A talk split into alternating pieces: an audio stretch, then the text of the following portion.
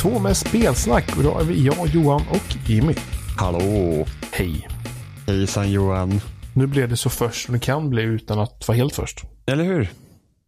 Eller hur? Det, det är så här det ska vara.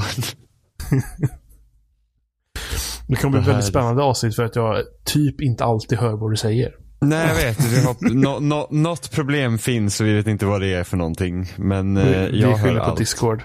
Ja, men vad? Så jag, jag satt jag gjorde så här årets spelgrej med Isabelle nu innan. Nu är jag ju orolig för att det lät så för henne också. Ja, ja. Men eh, det spelar ingen roll.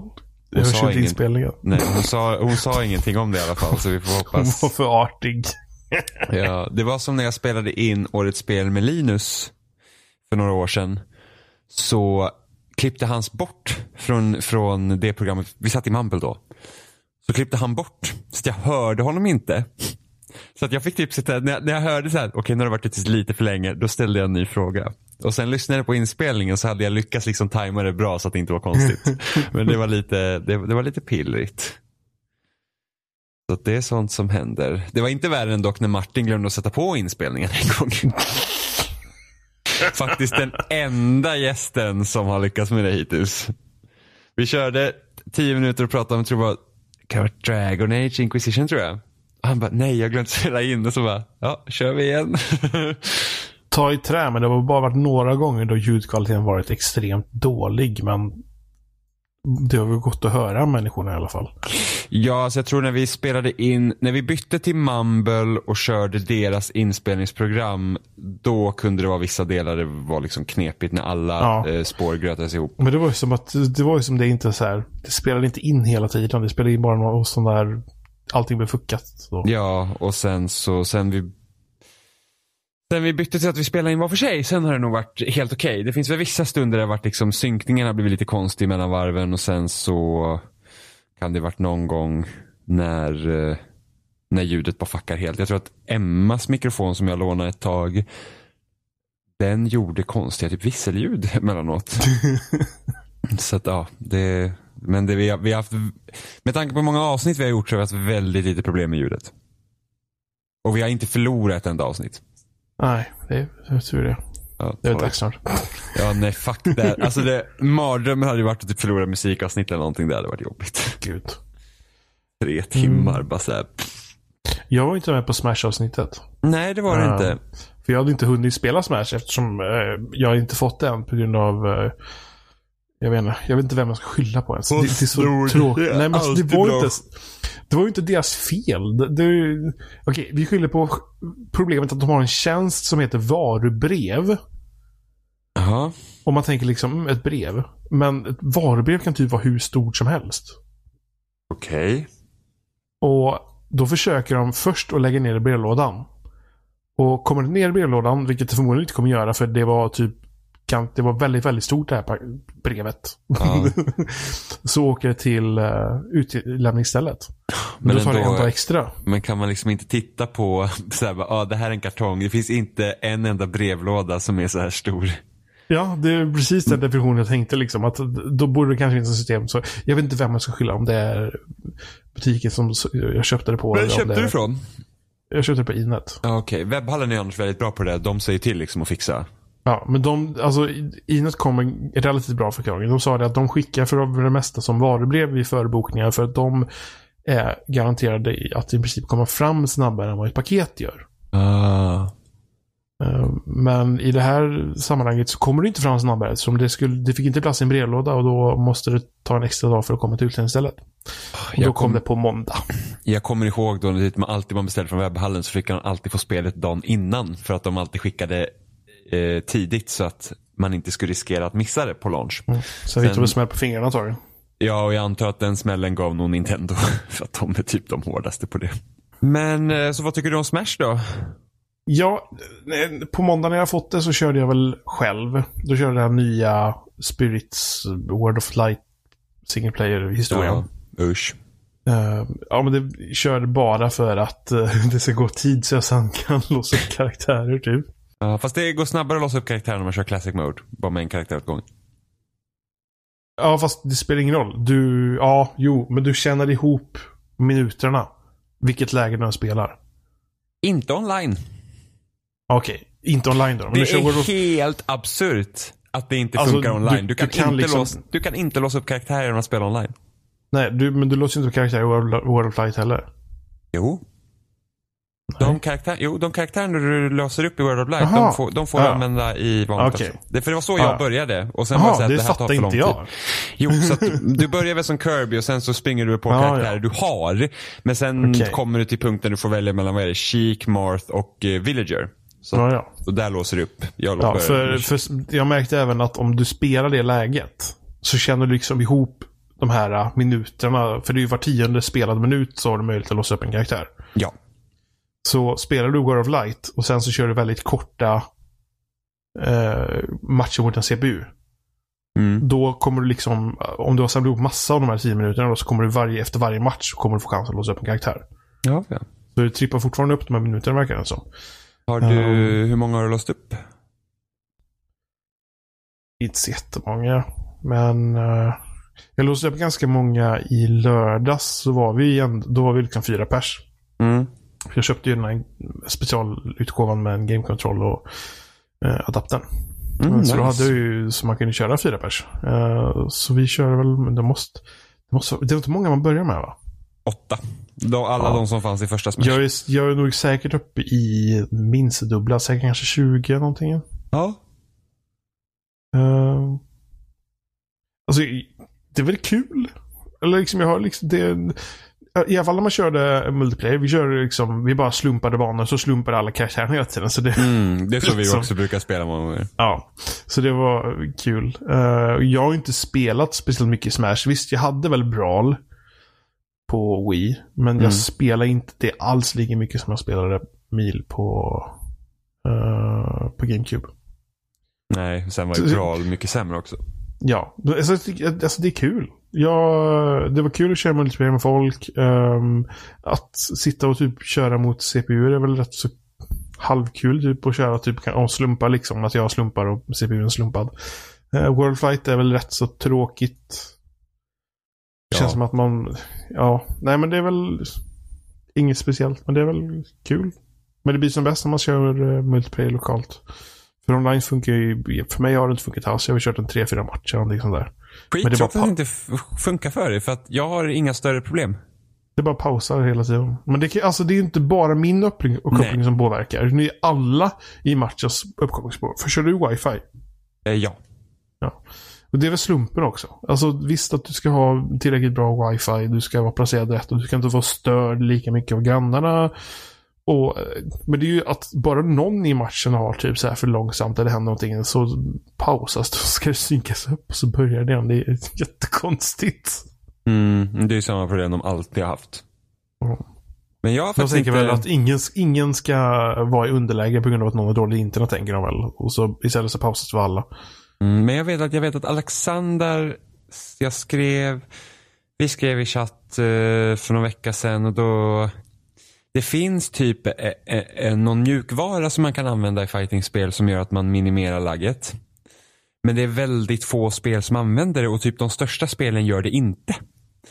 För de hittar på egna grejer. Så typ Capcom med så här Street Fighter och Marvel vs Capcom och sådana grejer. De har liksom egna grejer som inte funkar speciellt bra. Och sen typ kan det ha varit typ Åh, vad hette det? Det var något litet fightingspel vet jag. Som hade, använde sig av den här mjukvaran. Jag kommer inte ihåg vad den heter heller. Som gör att det nästan i pri- princip är laggfritt. För att den kan räkna ut på ett sånt sätt. Men det ser jag bara med här, men det kan ju hända att det är inte så jättebilligt att använda det. Det är möjligt. Det, så är och det. ju, ju större man är, desto mer får man säkert betala.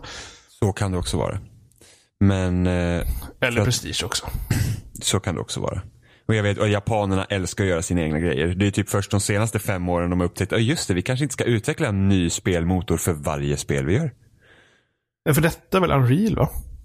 Eh, vänta nu, Smash tänker du? Ja. Jag för mig jag sett det. Unreal man startar Smash. Måste vi göra en snabb googling? Det måste, det måste ju inte stå någonstans. Jag Jo, det för- måste du inte göra det? Nej, jag tror inte. Det kan du säkert betala bort. Jag har bara sett det någon gång i någon så här efterskärm. Nej, här. Ultimates eh, game engine was built from scratch and was not an updated version of the Super Smash Bros for Wii U's engine. Står det här. på Wikipedia så ta det med en nypa salt. Det vad har de för referens på det? Ja, det där ska jag ta med en nypa salt faktiskt. Men, ja, ja. Eh, Jag vet inte, jag får mig att jag såg någonting, men det verkar inte stämma. Nej, men fan. Jag vet i alla fall att typ Square Enix använder mycket Unreal till sina spel nu för tiden. Men Square Enix har väl eget? Eller?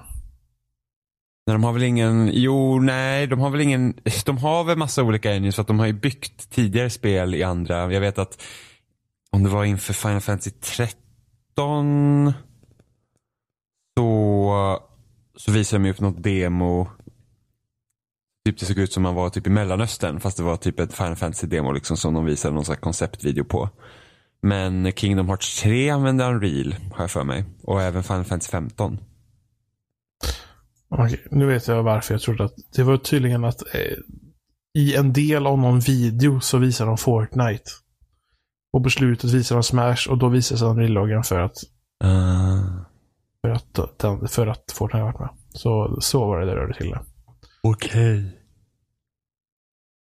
Men ja, det är, men jag tycker väl om Smash. Det ska väl bli kul att se ehm, Ja, vad hoppas hur du mycket för man vill spela. Vad hoppas du för DLC-karaktärer? För att vi pratade förra veckan om att Joker från Persona 5 öppnar upp en helt rad nya möjligheter för vad Alltså jag, för jag, karaktärer. tycker väl att, jag tycker väl att absurt många karaktärer direkt i grundspelet. Så jag vet inte. Det kommer inte ta hur lång tid som helst att bara låsa upp alla karaktärer. Ja, jag är väl lite över hälften nu tror jag. Men... Eh, det väl, alltså jag, jag pratade vi inte om karaktärer vi vill se någon annan gång. Jo. Men, då trodde vi också att dörrarna inte var så öppna som de är just nu. För att Ja, det var ju det att Nintendo sa att de har ju valt vilka DLC-karaktärer som ska komma. Det är inte Sakurai själv. Och då trodde man ju såhär, ah, ja men då kommer de vilja promota sina egna spel. Och sen så visar de Joker på Game Awards. Så bara så här, aha, det är kanske är andra partnerships som är eh, i görningen. För att jag skulle ju misstänka att Persona 5 kommer komma till Switch. Därav Joker i Smash. Ja, så kan det vara. Så Det är spännande att se vad som händer. Ja, det är det ju. Men jag, alltså jag, det skulle inte förvåna mig om ingen av de DLC-karaktärerna som kommer är eh, att ingen av dem är Nintendo-karaktärer i grunden. Utan det kommer från andra grejer. Det första var väl, det var, vad var det? De som, för, de, eller de som köpte spelet tidigt fick ju... Ja, Piranha Plant. En kod som man fick på mailen dessutom. Ja. Just Vilket det. var så här, jag är så himla van med Microsoft så där får du liksom ett meddelande på Xbox Live. Bara, hej du har köpt Ja, det här det. spelet, varsågod. Så att eh, det var tur att Oliver såg att han fick på mailen för då höll jag utkik. Annars hade jag nog slängt det. Får ta och eh, skriva in koden också. Det kanske man borde göra. Ja, för Piranha Plant tycker jag ändå är en rolig idé. Ja. Det var... Ska se, vad är det för karaktärer som jag har låst upp? Jag har låst upp allt möjligt. Jag har låst upp två stycken link. Den unga och den vanliga. Så Mm. det... Det- två stycken Castlevania-karaktärer. Har du fått både Richter och... Ja. Direkt efter andra. varandra. Men gud, jag har, jag har fått Richter, jag har inte fått Simon. Det var lite konstigt. Det var, de kom direkt efter varandra. Ja, men det var via World of Light va? Eh, nej, Eller? Nej, okej, det var, ra- okej, det var så så det var slumpat. Ja, jag låste upp Little Mac idag så att jag är glad för det. För att det är ju min go-to-karaktär, eller var det i alla fall när jag var nere hos Oliver och vi spelade. Nej, men det, alltså, och jag, eftersom jag inte spelat Wii U-versionen heller, så där är det ju mycket karaktärer. Uh, som inte Oj, jag då är, det mycket, då är det verkligen mycket nytt för dig alltså. Ja, jag menar det. Jag tror inte jag har låst upp alla i Brawl heller. Eh, så det är... Alltså, det är kul för jag, jag har inte liksom känt på något sätt mer än just online-läget och att kanske singelplay-läget är väl inte är så jättekul. Men det skulle jag väl inte förvänta mig att vara heller precis.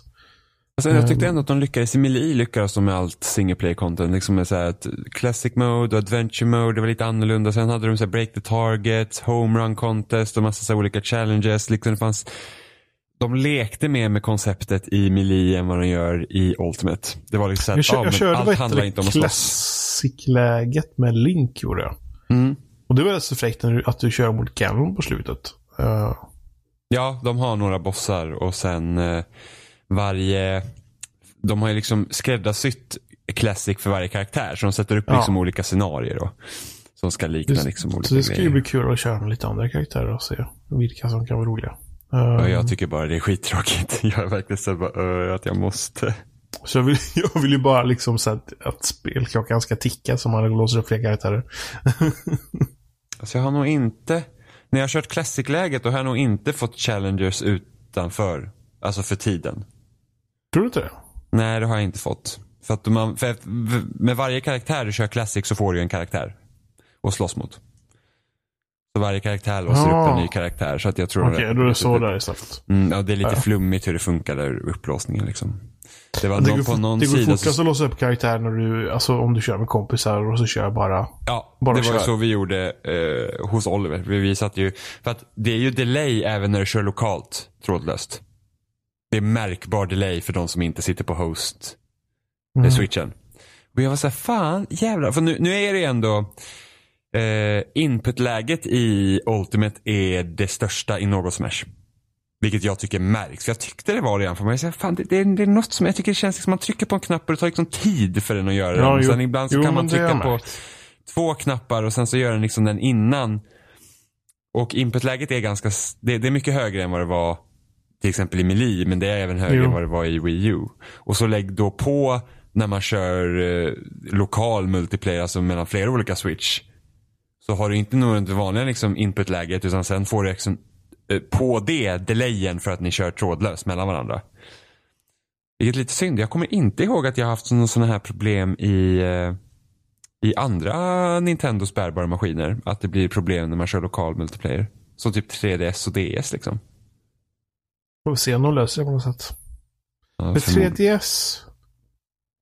Det hade wifi, så det var förmodligen någon wifi-historia när man kopplade kontroll, eller konsoler mot konsoler. Mm. DS var något proprietärt. Det, det var ju, de hade ju inte wifi så sett. Jo, Nej, väl? det hade det väl. Du kunde ju koppla upp dig. Jo, Jo, du kunde koppla upp dig med, med DSen trådlöst med en router. just det. Men du gjorde det så här. Det var så inspel, äh, inställningsmeny i spelen. Kan ha varit. Så var det. Att jag kommer ihåg att när jag och Robin körde liksom så här Metro Prime Hunters mot varandra så hade vi inga Just problem liksom med att det kändes som att vi hade delay mot varandra. Nu är också det här över tio år sedan. Att, eh, man, man trodde att- inte att det var det. Nej, Jag kommer- att, men jag kan aldrig minnas över att det har varit problem när vi har typ kört Mario Kart och sånt på träffar heller med, med 3DS. Alltså, det här var ju så fascinerande. Jag vet att de man körde uh, hard, ha, eller specialversion av guld och silver på DS. ja. Då kunde man ju prata med varandra när man typ skulle- skulle byta Pokémon. ja. I mikrofonen och högtalaren. Ja, fy fan, det kan inte ha låtit bra. Jag, tycker, jag kommer ihåg att jag tyckte det var coolt i alla fall. Ja, men det är som typ, man jämför eh, hur Xbox Live, liksom Party Chat har utvecklat sig mellan mellan eh, liksom hur det, hur det skedde under 360-tiden. För att de uppgraderade det systemet under 360-ledarnas tid. Och sen Mm. hoppade man typ in i så Modern Warfare 2 och körde multiplayer där för att det körde på det gamla systemet för du kunde inte sitta i party medan du körde Modern Warfare 2. Så du behövde sitta via spelets egna Mm. game chat. Och då gick det ju på den gamla teknologin. Så att man hoppade från party chat till då det gamla så här på Modern Warfare 2. Jäklar vad det eh, lät burkigt alltså. Och det är stor skillnad på hur 360 låter också mot vad Xbox One låter idag. Men eh, Nintendo är ju heller inte främmande för att ha konstiga online-lösningar som eh, när man körde Mario Nej, Kart Jesus. 8 på Wii U. Så eh, då hade du, du kunde inte prata med någon i matcherna. Men du kunde prata med folk i lobbyn när matchen var slut. Men det var att lobbytiden var så kort. Så att när jag satt och spelade med Gustav så var det typ så här att vi kom tillbaka, han bara såg det där sjuka som hände och så började de förklara och sen var det nästa race och så kunde vi inte prata med varandra igen. Och då pratade man genom mikrofonen på paddan så det var så dåligt. Det är absurt. Oh, kommer du ihåg Wii Speak? Så kom Animal Jag hade aldrig någon, men jag vet att den fanns. Men du har spelat andra konstiga saker? Ja, det har jag. För av någon anledning så blir typ december fullspäckat med spel som jag var intresserad av.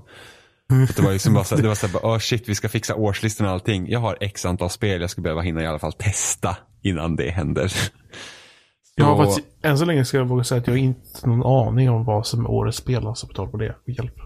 Mm, ja, jag har ju börjat fylla i alla mina listor så jag är ju jag är mer jag måste, redo. Jag måste börja fundera på det. Ja, eh, så det första spelet jag spelade, det pratade jag lite om förra veckan men inte i någon liksom vidare detalj, är Ashen.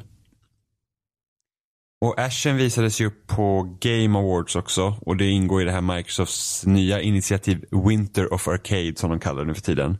Som ska typ fungera som Summer of Arcade även om det är typ inte alls samma så här, liksom, fokus på det. De bara har satt ett namn på det och sen kommer det ut en miljard spel ändå. Liksom. Mm. Så Ashen är ett Dark Souls-liknande spel i det att du har samma typ av eh, samma typ av stridssystem. Det är liksom eh, stamina-baserat då, så att du slår och så får du liksom hålla koll på mätaren. Liksom så att när den mätaren är tom då kan du inte slå längre så måste du vila dig lite. Du har en sköld, fienderna är lite svåra. Du samlar på dig ljus tror jag det är i det här spelet. Och som du kan använda för att uppgradera vapen. Du uppgraderar inte dig själv utan du uppgraderar enbart vapen och köper uppgraderingar. Men det är inte så att oh, jag vill ha mer HP och sådär. Eh, och dör du så får du springa till ditt lik och hämta dem igen. Så, så på så sätt är det, liksom väldigt Dark Souls. Till skillnad från Dark Souls här då är att det har och det är det också spelet jag tycker att det utmärker sig allra mest. Det är att det har ett Journey-liknande multiplayer.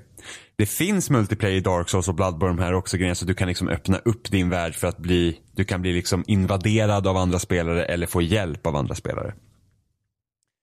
I Ashen så finns inte det utan det är att du får en random person som hjälper dig helt enkelt. Som också spelar, som är typ ish på samma ställe som du är. Och så kan ni spela tillsammans.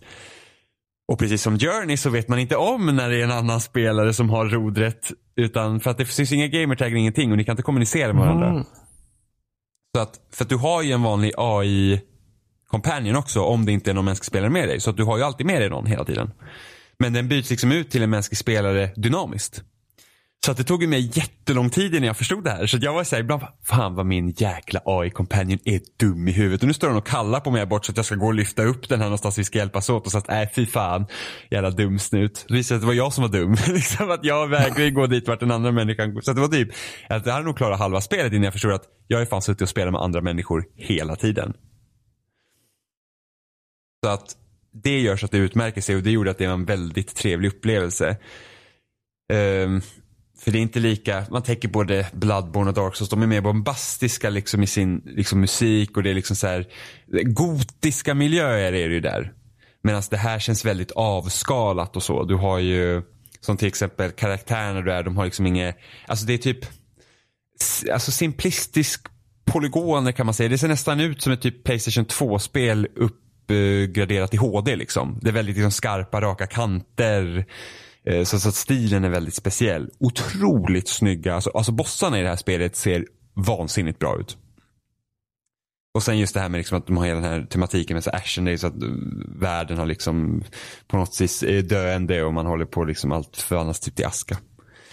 Eh, så det är, det är en bra Dark Souls liknande spel men det har inte alls samma spänning som Dark Souls har både i miljöer och fiender.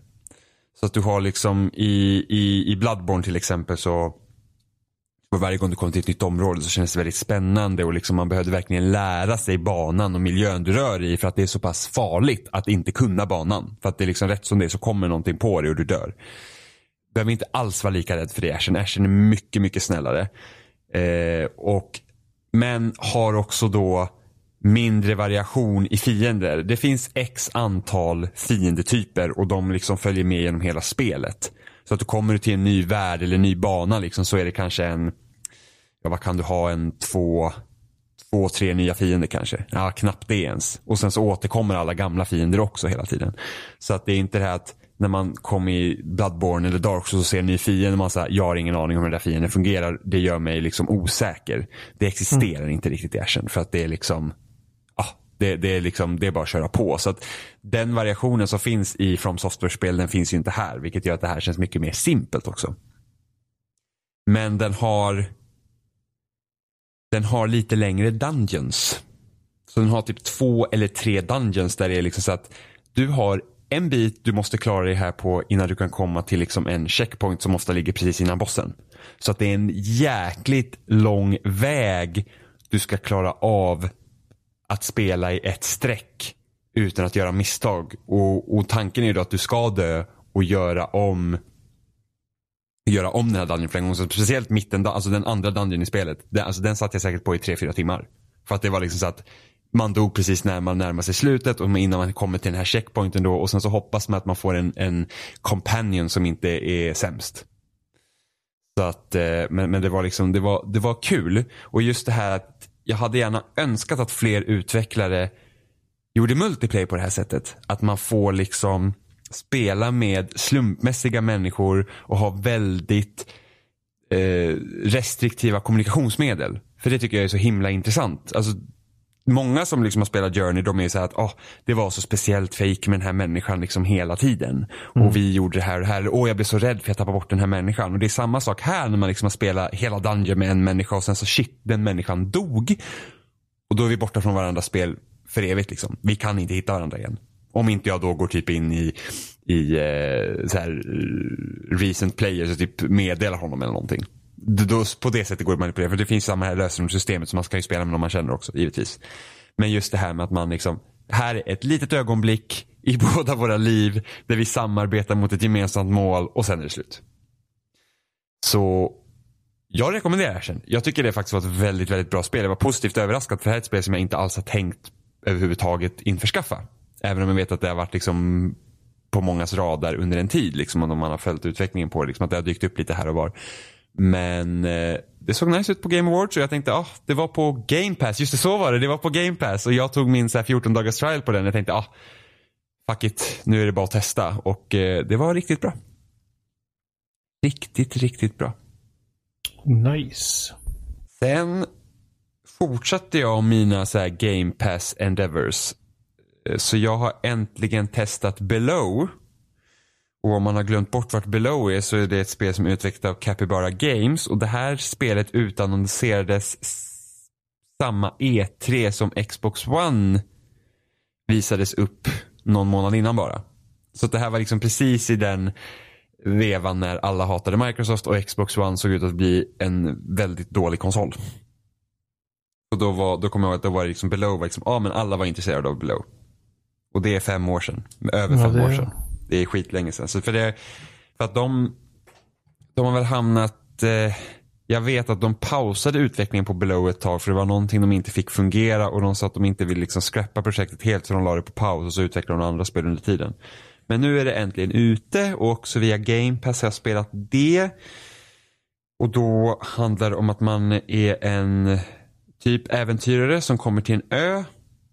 Och på den här ön finns ett berg och så går man in i berget och sen ska man arbeta sig ner för berget. Och det är en roguelike. Så dör du så får du börja om. Då, då kommer du som en ny äventyrare till ön och så får du hitta ditt lik. Och så får du ta upp dina grejer därifrån och så får du fortsätta.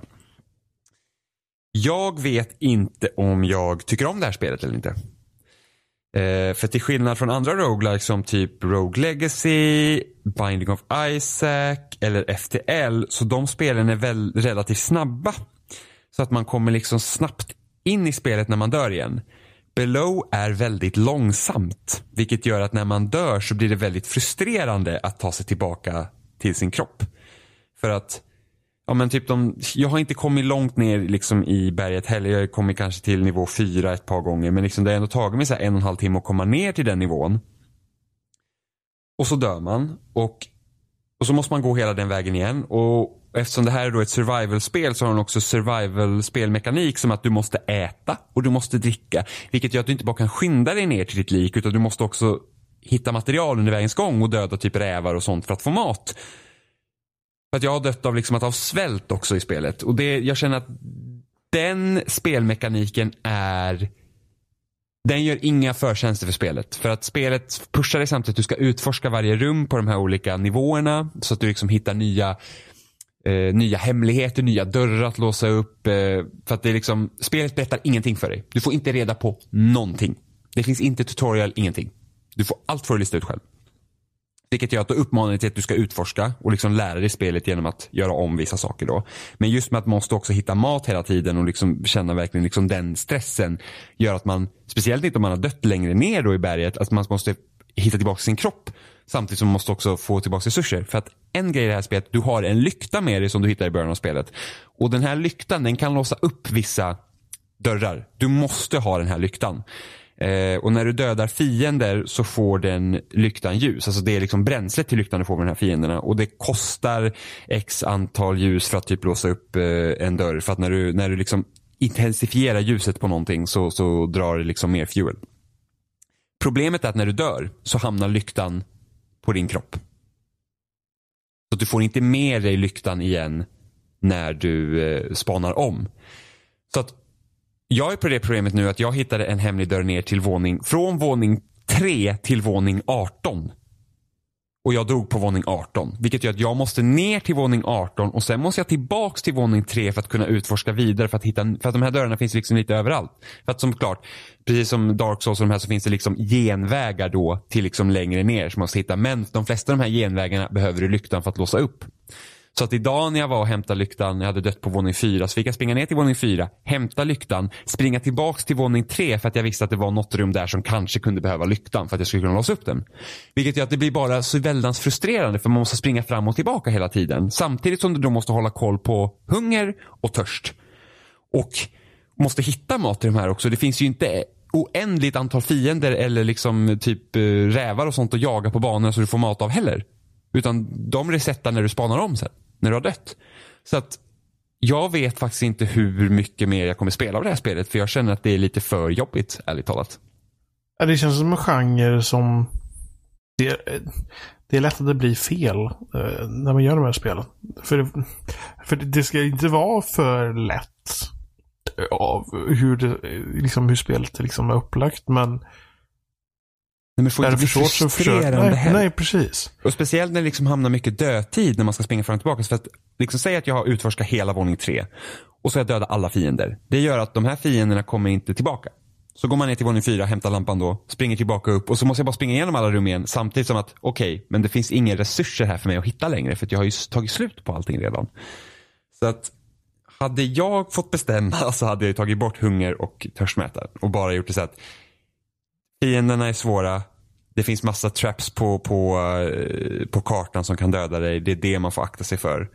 Och sen så kan man ju då ha potions och sånt som buffs och grejer. Och sen mm. så fokusera mer på att det är en gåta att få upp den här dörren. Du får faktiskt lösa det. För att det är lite så det känns. För, det, för att det finns en viss dragning till det här spelet just att det, det, är liksom spännande för du får inte veta någonting. Så bara, här hittar jag typ, som idag jag hittade en crystal skull. Det. Jag bara, det här är ju en nyckel till någonting. Men jag har ingen aning om vart den här nyckeln ska någonstans. Och då börjar jag liksom utforska liksom, våningen jag var på för att titta, finns det någon dörr här som jag inte får upp? Så att på det sättet är det väldigt intressant. Det är bara att allt annat runt det är jobbigt. Sen såg jag en tweet idag som satte verkligen fingret på varför det här eh, att man spanar om och har så långt att gå me mellan rundorna hela tiden. Varför det är problematiskt i Below men kanske inte i ett spel som FTL. Och det är bara det för att spelet ändrar sig inte riktigt i Below. Det är samma för det är randomgenererande, varje våning blir randomgenererad när du spanar om. Förutom visst antal rum som alltid ser likadana ut. Och ungefär så ligger de här rummen på ungefär samma ställe. Det är bara rummen som länkar ihop de som är random. Vilket gör att det blir ju inte mer spännande än så. Det är ju liksom samma grejer du hittar om och om igen. Men tänk dig efter eld där du har liksom, det är flera olika vägar du kan gå. Det är de här random eh, liksom, eventen som kan hända. Så man får liksom välja hur, liksom, det, det är så dynamiskt att varje spelrunda blir annorlunda oavsett. Samma med Binding of Isaac. Varenda runda är liksom annorlunda. Det är inte exakt samma varje gång du kommer in. utan Det är, det är helt olika grejer som spanar varje gång du spelar Binding of Isaac. Vilket gör att det blir liksom varje spelomgång känns verkligen som en spelomgång medan i Below så är det inte en ny spelomgång utan det är samma spelomgång och jag måste bara ta mig igenom början igen och igen och igen. Så att oh, jag, jag, vet inte hur länge jag kommer orka spela vidare. För när jag väl sitter och spelar då är det så att ja, men det är någonting här jag tycker verkligen om för att det liksom är så indragande och sen dör man två gånger på rad och bara så här, fuck this, jag orkar inte. Men det är, så att ja, jag är kluven till det. Jag tror att det hade varit bättre om det inte hade linat så hårt på survival-grejerna och mer varit åt pussellösning hållet och liksom få känna den här äventyrande. För att musiken och allt sånt är skitbra liksom. Det är, det är Jim Guthrie som har gjort musiken som gjorde till Sword and Sorcery. Som typ var ett av de första mobilspelen som blev liksom så här, oj, är det här vi kan göra på iPhone? Typ.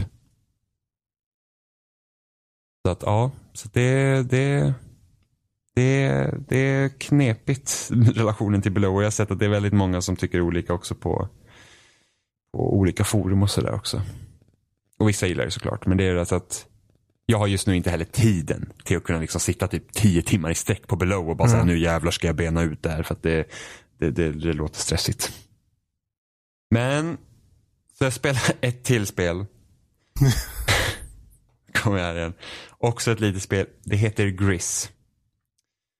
Och det här på Switch. Eller gris. Eller, ja, eller gris, ja precis. Gris. jag, bara, jag fattar inte när du liksom skrev vad det hette först. Jag bara liksom, eh, va? Ja, det, det, det, det, har ju ett olyckligt namn om man är svensk. Liksom. Det är ungefär som, eh, som en fiende i Venom-serietidningen som heter Knoll. Det är också väldigt roligt. Men så, men så Gris det utannonserades i augusti så fick den någon så här typ reveal trailer och det var ju direkt då kände jag att wow det här spelet måste jag spela för det är så himla vackert. Alltså det är så fint och det använder liksom, det, de har ju liksom, det är handanimerat spelet. Så det har eh, så liksom hur karaktären rör sig och sånt, det är liksom handanimerat. Och sen har de lagt in någon, någon mjukvara för hur de ska liksom fixa vattenfärger så att det ska se så naturligt ut som möjligt. Typ när färger och sånt sprider sig i spelet. Mm. Eh, så att, så att, det, är, det är otroligt vackert. Det känns verkligen som att typ spela en, alltså det känns som att spela på en tavla i princip. Det är liksom på den nivån. Eh, och så man spelar som en tjej då, eller en kvinna.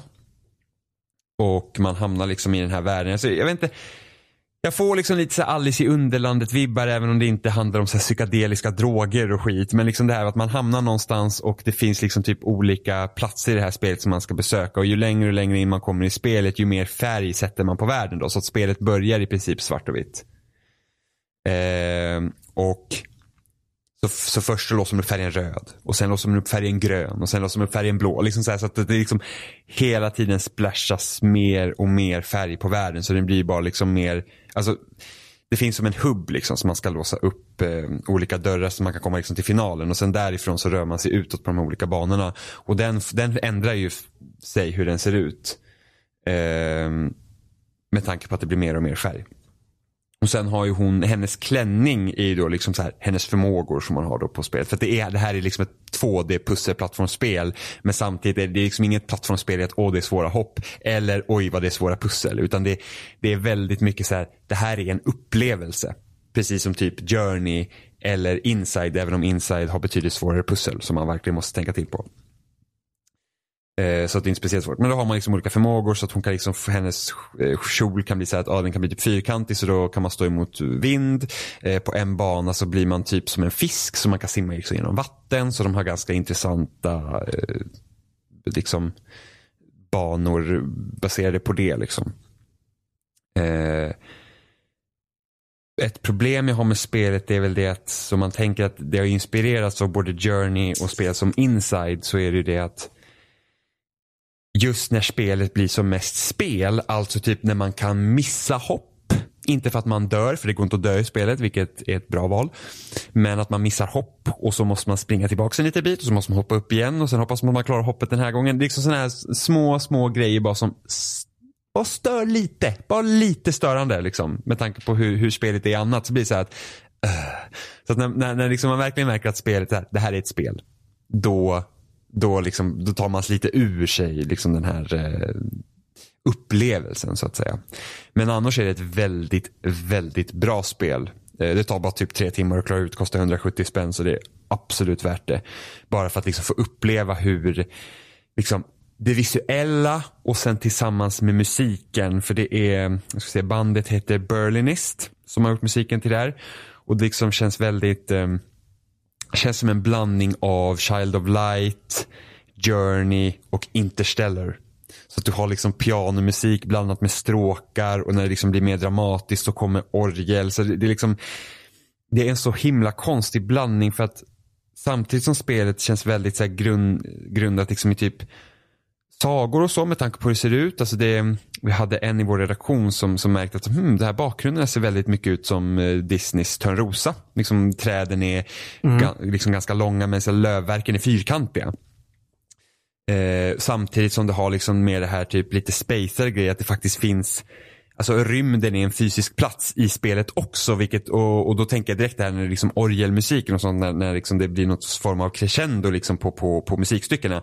Så blir det att du liksom spelar orgeln in och det känns väldigt mycket Interstellar där. Så att det, det, det liksom, de tar det känns som att de har tagit inspiration från så många olika delar och sen så binder de ihop det och det blir väldigt, väldigt, väldigt bra.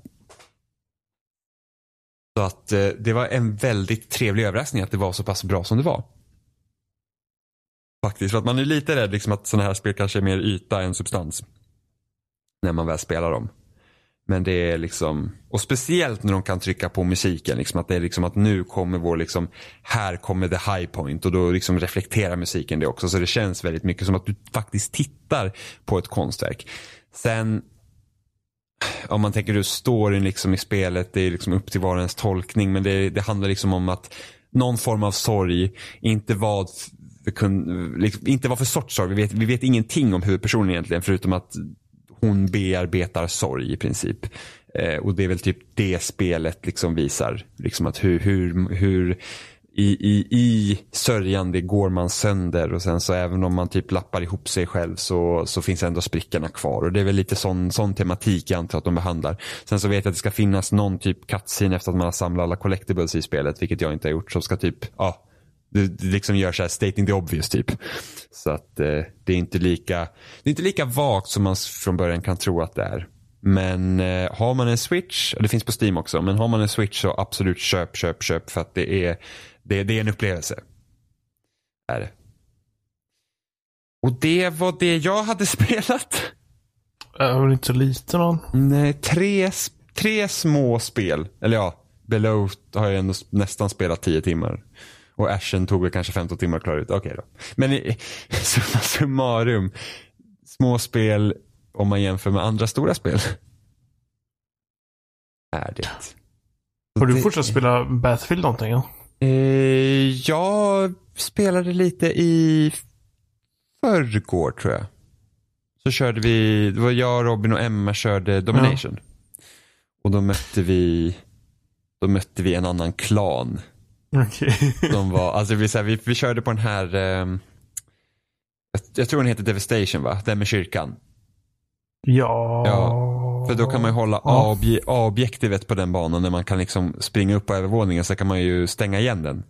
Ja. Så man kan vara där uppe ganska ostört. Och så var det ju, klanen började förstå vad, vad, vi, vad vi höll på med. Så Ja. de försökte komma in dit hela tiden och vi skyddade ju A som fan vet du. Så att det, Den, den heter något annat i när du kör Conquest vet jag. Eh, och den har jag Robin och Emma hå- hållit några gånger också. Och vi körde en match då våra motståndare inte visste vägen upp. Så vi Mm. höll liksom utan problem för de försökte aldrig komma in för de visste inte vart de skulle gå. ja, nej, men, nej, den flaggan var faktiskt väldigt, väldigt rolig för att det var amazing. Det, det har vi märkt nu, eller när vi har spelat, att, att det blir som roligast när man skapar egna objektivs. Mm. Alltså egna små uppdrag. Ja, men vi ska hålla den här flaggan. Det är som här, vad heter det, Panzer någonting, den stora eh, kartan som släpptes senare. ja, det, ah, Panzerstorm. Eh, ja, den då håller vi kyrkan. än. Och då håller vi stenhårt i en kyrka som finns där som en flagga. Mm. Och det är skitkul. Mm, ja, men sånt är verkligen asroligt. Det var ju typ, alltså Battlefield 4s banor var inte jättebra. De grundspelet. Så att det blir så att, men man vill ju ändå spela Battlefield. Så vi brukar ofta, så det börjar med att vi alltid säger den flaggan som är närmast fiendernas deployment, den kör vi alltid på. För att då vet man att det kommer alltid komma en sta, stadig ström med fiender därifrån. För att de vill inte att vi ska sitta vid deras deployment. Och samtidigt som om de liksom fokuserar på den eh, eh, flaggan så kan vårt lag pusha de andra flaggorna. Mm. Och sen slutar det med att nej, nu orkar vi inte hålla på med det här längre så vi ser till att vi hamnar i olika lag och så försöker vi kniva varandra istället. Så att mm, typ majoriteten av mina Battlefield 4-timmar så tror jag då är det faktiskt, det tror jag var jag, Emma och Robin som typ var på någon flagga och så jagade vi varandra och försökte kniva varandra i ryggen. För att det var liksom the shit. Så att då, då skapar man ju också sina egna grejer. Men det är det också därför jag gillar typ Battlefield 3 och så. När man, liksom, man var trött på någonting och sen bara, äh, men nu vill jag lära mig flyga helikopter så nu ska vi bara flyga helikopter den här matchen och liksom lära oss hjälpa till så mycket som möjligt med det. Det är ju det, är det som gör Battlefield bäst. Såg du, har du gjort den där filmen för Playstation eh, så här, och fem år med Playstation 4, så här mycket har du spelat på maskinen? Jag vet inte om jag vill göra det. Okay, jag kommer bli typ ledsen för att jag spelar så lite förmodligen. För jag har inte spelat jättemycket på PS4. Jag, Jag har inte ändå, rört den på jättelänge heller. jag hade ändå spelat 1800 någonting timmar totalt på PS4. Jag nog inte i närheten av det. Vart ser man det här? Eh, fan, det var någon, jag vet att vi har en länk, vi har en tråd på loading vet jag, där den länken är frams, på framsidan. Jag vänta, det ska vi se, jag ska kolla vad den är. Ja, där, Playstation Live, jag kan, jag kan posta, jag ser om jag kan alltså logga in på typ Playstation någonstans. där, jag postar i Discord nu, den länken som man kan göra. Så får man se liksom en video, så att jag har spelat, så där får man liksom veta så här, oh, hur mycket har jag spelat, så jag hade spelat eh, 1984 timmar på 103 olika spel på PS4 och jag har tagit 1221 troféer. Eh, och då min topp tre som jag har spelat då är Battlefield 4 på 451 timmar, Battlefield 1 på 177 timmar och The Last of Us Remastered på 117 timmar. Jag måste, jag måste create my video också. Ja, så det, det tar inte en stund. Så att vi kan babbla om något annat tills du har Tills du får din video ska vi veta.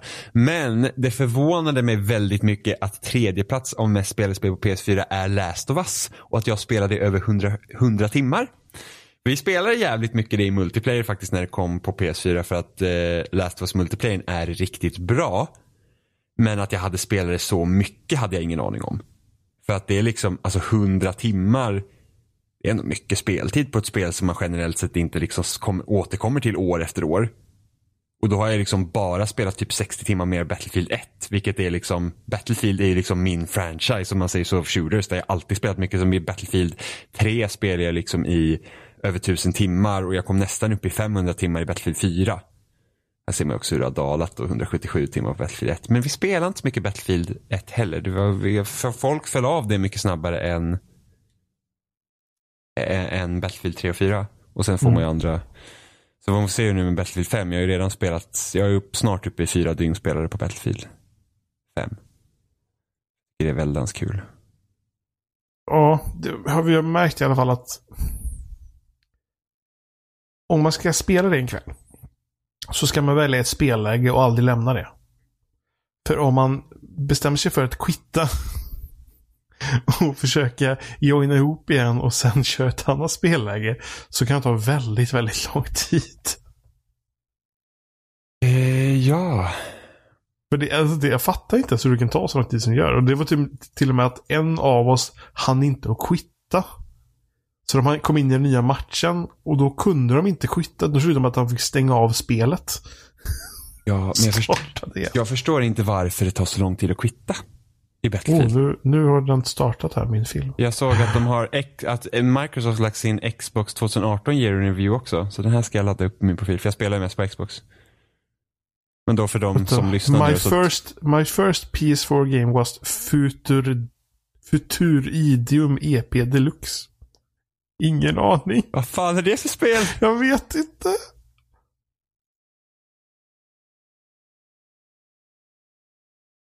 Eh, Jag har spelat 333 timmar bara. På PS4 totalt? Ja. Det är väldigt lite. ja, jag har inte spelat mycket. Nej, verkligen inte. Då eh, ettan är Fallout 4 på 113 timmar. Ja, men det är respektabelt. Sen är Metal Gear Solid 5 på 46 timmar. Sen är det Diablo 3 på 30 timmar. Ja. Jag postade i Discord också här, Year in Review 2018 för Xbox. Jag tänkte att vi kunde göra den också. Kan vi ta den eh, Det slide fula där är att det kommer ju synas vad Evelina har spelat. Men det gör ingenting. Det är speciella. Alltså det är jättebuggat. Jag liksom så här, när jag går in på min profil och ser trophies typ, eller så här, och ser typ speltid på spel. Ja. Då har jag spelat massvis med timmar av Assassin's Creed. ja, men det är förmodligen för att din profil har varit inloggad samtidigt.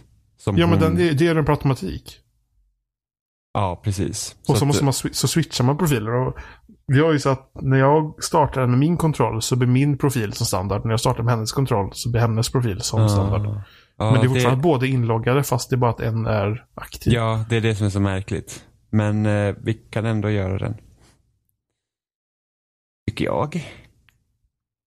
Men jag har ju spelat så mycket dator och grejer också. Mm. Och jag spelar ju mest på Xbox. Så det... Och när jag tänker tillbaka så är det typ Fallout 4 och Metal Gear Solid 5 som har de spelen som jag har lagt ner mest tid på PS4. mm. Ja, jag var ju inte förvånad över att Battlefield låg där. Jag var förvånad över att Last of Us låg där dock. Men, Ändå sam... 46 timmar med Metal Gear Solid 5. Men det var ju långt. Jag tror jag kom upp i 35 eller något sånt där Ja. på Xbox. Nu ska vi se. Ja, Se till när du kommer till första sliden på Xbox så kör. ja eller vad? The- the- There's no one quite like you står det. Mm, precis, och så, så kommer den räkna upp procenten här. Your gamer score is in the top 2% of players. Ja, jag är en procent. Det är synd att de inte står här exakt hur mycket gamerscore det är, för att det säger ju inte så mycket. Jag är topp en procent av players på gamerscore. You played enough to be in the top 8%. Jag är topp två procent. You've learned enough achievements to put yourself in the top 2%. Jag är topp en procent där. Men det känns ju får- som bara man typ tittar på sin Xbox. så förvånad. Och så går man till nästa sida nu. Ja, nästa sida. Oh, det här är spännande. Oj, så måste man samla grejer här. Va? Collect. What? Vadå? Fighting for something greater. Jaha, det här är något annat. Så här. Your 2018 mood was throwing caution to the wind in action adventure games. Okej, så jag spelar mest action adventure då i år. Vad hade du spelat mest? In shooter games. Då har du spelat mest shooters som andra ord. Typ Doom och Battlefield och sånt. Och Det var bara typ ja, Battlefield och Halo kanske.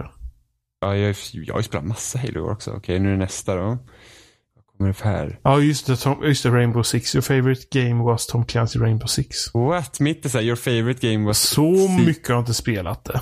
Jag fick your favorite game was Sea of Thieves. Det här låter skumt. Det här tror jag inte på. Jag kan inte Va? spelat Sea of Thieves mest. Jag har spelat så jävla mycket Halo 5 i år. Okej, Varför ska jag välja saker? jag vet inte. Vi får se vad som händer i slutet sen. Getting full roster. over the past year Xbox community earned over 58 billion gamerscore. Men det där är inte intressant för mig. Kan jag inte bara få en lista? Trycker vidare. Det är Okej. jättekonstigt. Tom Clancy's Rainbow Six Siege was right beside you all the way. Men det här är ju bara nonsens. Nu kom det! Assassin's Creed Origins. jag har inte spelat en enda minut. And your crew grew to 111 wild and wonderful friends. Okej, säg mig inte heller någonting. Jättemärkligt. Ja. Vad är det här? You boosted your total gamer scores to... Ja just det, jag har 200 862. Det här är mer Och intressant. sen får man så här välja. Jag fattar ingenting. Jag ökade min gamerscore med 11% i år och jag har fått ihop 878 achievements. Men jag kommer få de här grejerna. Eller vadå? Vad Jag, för... jag vet inte. Jag vill bara ha en lista på alla grejer. Jag, har spel, jag har spelat absurt. 1109 timmar på Xbox i år. Jag har bara spelat... Va? 169? Jag har bara spelat 169 timmar på Xbox i år. Jag har inte lagt ner så jättemycket tid på. Skyller, jag Eh. skyller på X- X-jobbet. Jag har, jag har lagt ner 119 timmar på Sea of Thieves. Gud vad mycket. Alltså jag spelar mer Halo i år, det måste jag ha gjort. Sen, och sen jag har spelat mest i oktober. Det var också märkligt. Men du kom till en lista på slutet, eller? Eller Eh, vadå? nej jag vet inte, jag håller på att trycka mig igenom förbi dem. Jag får ju samla på mig en massa grejer till någon av dem. Jag har spelat 443 timmar i multiplayer. Okej. Jag antar att det sista sliden är någon lista. 870... Nej, det är bara en sammanfattning på allt du precis har sett. What? Men varför kan jag inte bara få siffror för? Ja, där. Most played games. Ja, ja. Okej, nu gör de. Sit tight, we're making you something cool. Oh boy, oh boy, oh boy. Nej, det är typ bara som en sammanfattning på det du har klickat på. Se. Jaha, Ja, de gjorde konstigt. någon sån här... Men det här var inget roligt. Då fick jag någon sån här typ snöglob liksom. Men ja. ja. Jag får- Alltså bara en sån sak. Men vad, det, här, det kan ju inte stämma. Jag kan inte bara ha spelat 11 timmar Red Dead Redemption 2. Nej, men de har ju förmodligen... Eh, Det ligger på Evelinas profil då. ja, nej, men de har ju skalat av... Ja, men de kan ju ha skalat av. Vi vet inte när det här. Är det från idag eller är det från... Är det från... Alltså från vilket datum är det här ifrån? Ja, men, Men- precis. De, nej, precis. Det här är från... Det, är- de, de gjorde samma sak förra året. Det här är från alltså januari 2018 till oktober 2018. Så de skippar både november och december. Fast Red Redemption borde väl ha... Fast det kommer ju i slutet av oktober. Det är kanske därför du har så lite timmar i det. För att den räknar bara med de första. Ja men det här också. Red Redemption Hours 11. Ettan då. Och sen då RDR Single Player Hours. Sju timmar till. det är jättebuggat. Ja, men här har jag, nu ska vi se. Här är hours played. 666 timmar själv. Totalt 1109 timmar. Multiplayer 443. Jag har spenderat 531 timmar i action adventure, 389 timmar i shooters, 72 timmar i plattformare, 44 timmar i strategi och 36 timmar i sport. Det måste ju vara force Horizon. Mitt mest spelade spel under 2018 är Sea of Thieves med 119 timmar. Tvåa är Rainbow Six Siege på 99. Eh, trea är Assassin's Creed Odyssey på 84. Eh, fyra är Halo 5 Guardians på 78 och femte plats är Doom på 65. Men här, här är där är inte här för mig för att är där borde ju vara längre upp. Det, jag tror det borde gå förbi Doom i så fall. Ja, den här, den här sammanfattningen var faktiskt lite Det tråkig Den, den var tråkig men den får väl avsluta vår podd för den här veckan då för jag tror inte vi har så mycket mer va? Nej, nej, det där var lite, det där, det där, jag hade hoppats på att se mer grafer och sånt. Sen kommer vi var- avsluta året nu med så här stora avsnitt. Ja, nästa vecka är det ju årets spel. Och eh, veckan efter det blir det spelmusik. Herre Jesus. Ja. Det var väl kul att snacka den här veckan också. Ja. Eh, Vi finns som vanligt på loading på loading.se. Ja, det gör vi. Vi finns som vanligt på spelsnack.com. Där hittar länkar till de flesta ställen. eh, När det går att lyssna på oss. Eh, Och sen finns vi även då på loading.se. Eh, Och ja, skriv gärna till oss. Eh, Kontakta spelsnack.com eller våra förnamn spelsnack.com om ni vill mejla. Annars finns vi på Twitter, ett spelsnackpodd och på Instagram, ett spelsnackpodd. Det är alltid kul när någon skriver till oss. Det eller det. kommenterar. Eller klagar eller vad som helst. Ja, det också. Sen en tid tillbaka så har man ju funnits på Spotify också för de har öppnat upp lite mer. Ja, äntligen. Det, jag ser att det är några som lyssnar på Spotify i alla fall. Och det verkar Det öka kul. från vecka till vecka. Så det är kul. Det är roligt. Det är väl lättillgängligt de flesta använder ju Spotify för musik såklart så. Ja, jag har själv inte lyssnat på podd på Spotify för att jag kör ju allt genom iTunes. Så att jag har ju liksom allt, Ja, alla och listor och ju- sånt där. det där Pocket Cast tror jag den heter den app jag använder. Det är så här finurligt så den tar bort tysthet och man kan snabba på lite. Och... Men Jaha. ja. Nu, nu ursäkta mig, men nu, så jag bara, nu, har, nu har DICE gått ut med att nu ska de ändra tillbaka time to kill till hur det var tidigare för att de har lyssnat på fan-feedback, det vill säga att de har läst sin Reddit-post. Alltså det här är så tråkigt. Alltså, deras Reddit var liksom alltså, eh, mängder av vuxna bebisar som bara typ så skrev dåliga memes om hur Time to kill och Time to death var så här olika. Och, Men jag känner att det är så jäkla tråkigt det här man liksom lyssnar på feedback och nu har ju de säkert mer liksom data på det än vad, vad vi sitter här och spekulerar om. Men det är att, ja, men de Hur- vinklar det nu som att det är feedbacken som gjorde det. Jo, jo, precis. För det är liksom så här att jag tyckte att, alltså när jag spelade i lördags, jag tyckte det kändes bra. För att det liksom var så att man, man levde lite längre och, och man liksom, det var inte som att någon bara kom på när man dog på en gång. Så att jag vet inte riktigt. Oh, men det, det, känns som att man, man, man får aldrig placera sig själv in i det facket som är med liksom och får typ, vad ska man säga, bestämma över hur ett spel blir utvecklat för att man är aldrig på rätt, eller rätt spektrum. Man är alltid den som står utanför för att man inte liksom skriker jag, jag tyckte de nya ändringarna, jag hade inga problem med dem.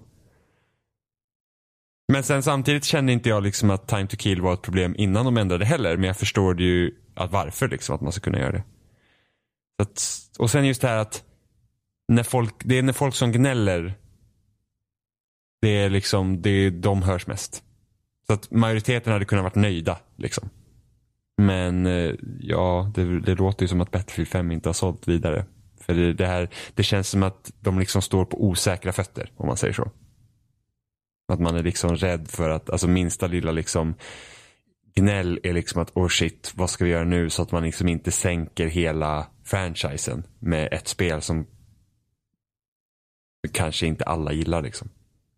Och då tycker jag ändå att Battlefield 5 är det bästa Battlefield har varit sedan Battlefield 3. Ja, ja, ja det, var, det, var, det var lite tråkigt. Men, eh, ja. Nästa vecka blir det årets spel då. Skriv gärna in yes. vilket spel ni har tyckt var bäst. Ja, det är alltid kul. Det är alltid roligt. Alltid Vi hörs. Roligt. Vi hörs. Hej. Hej.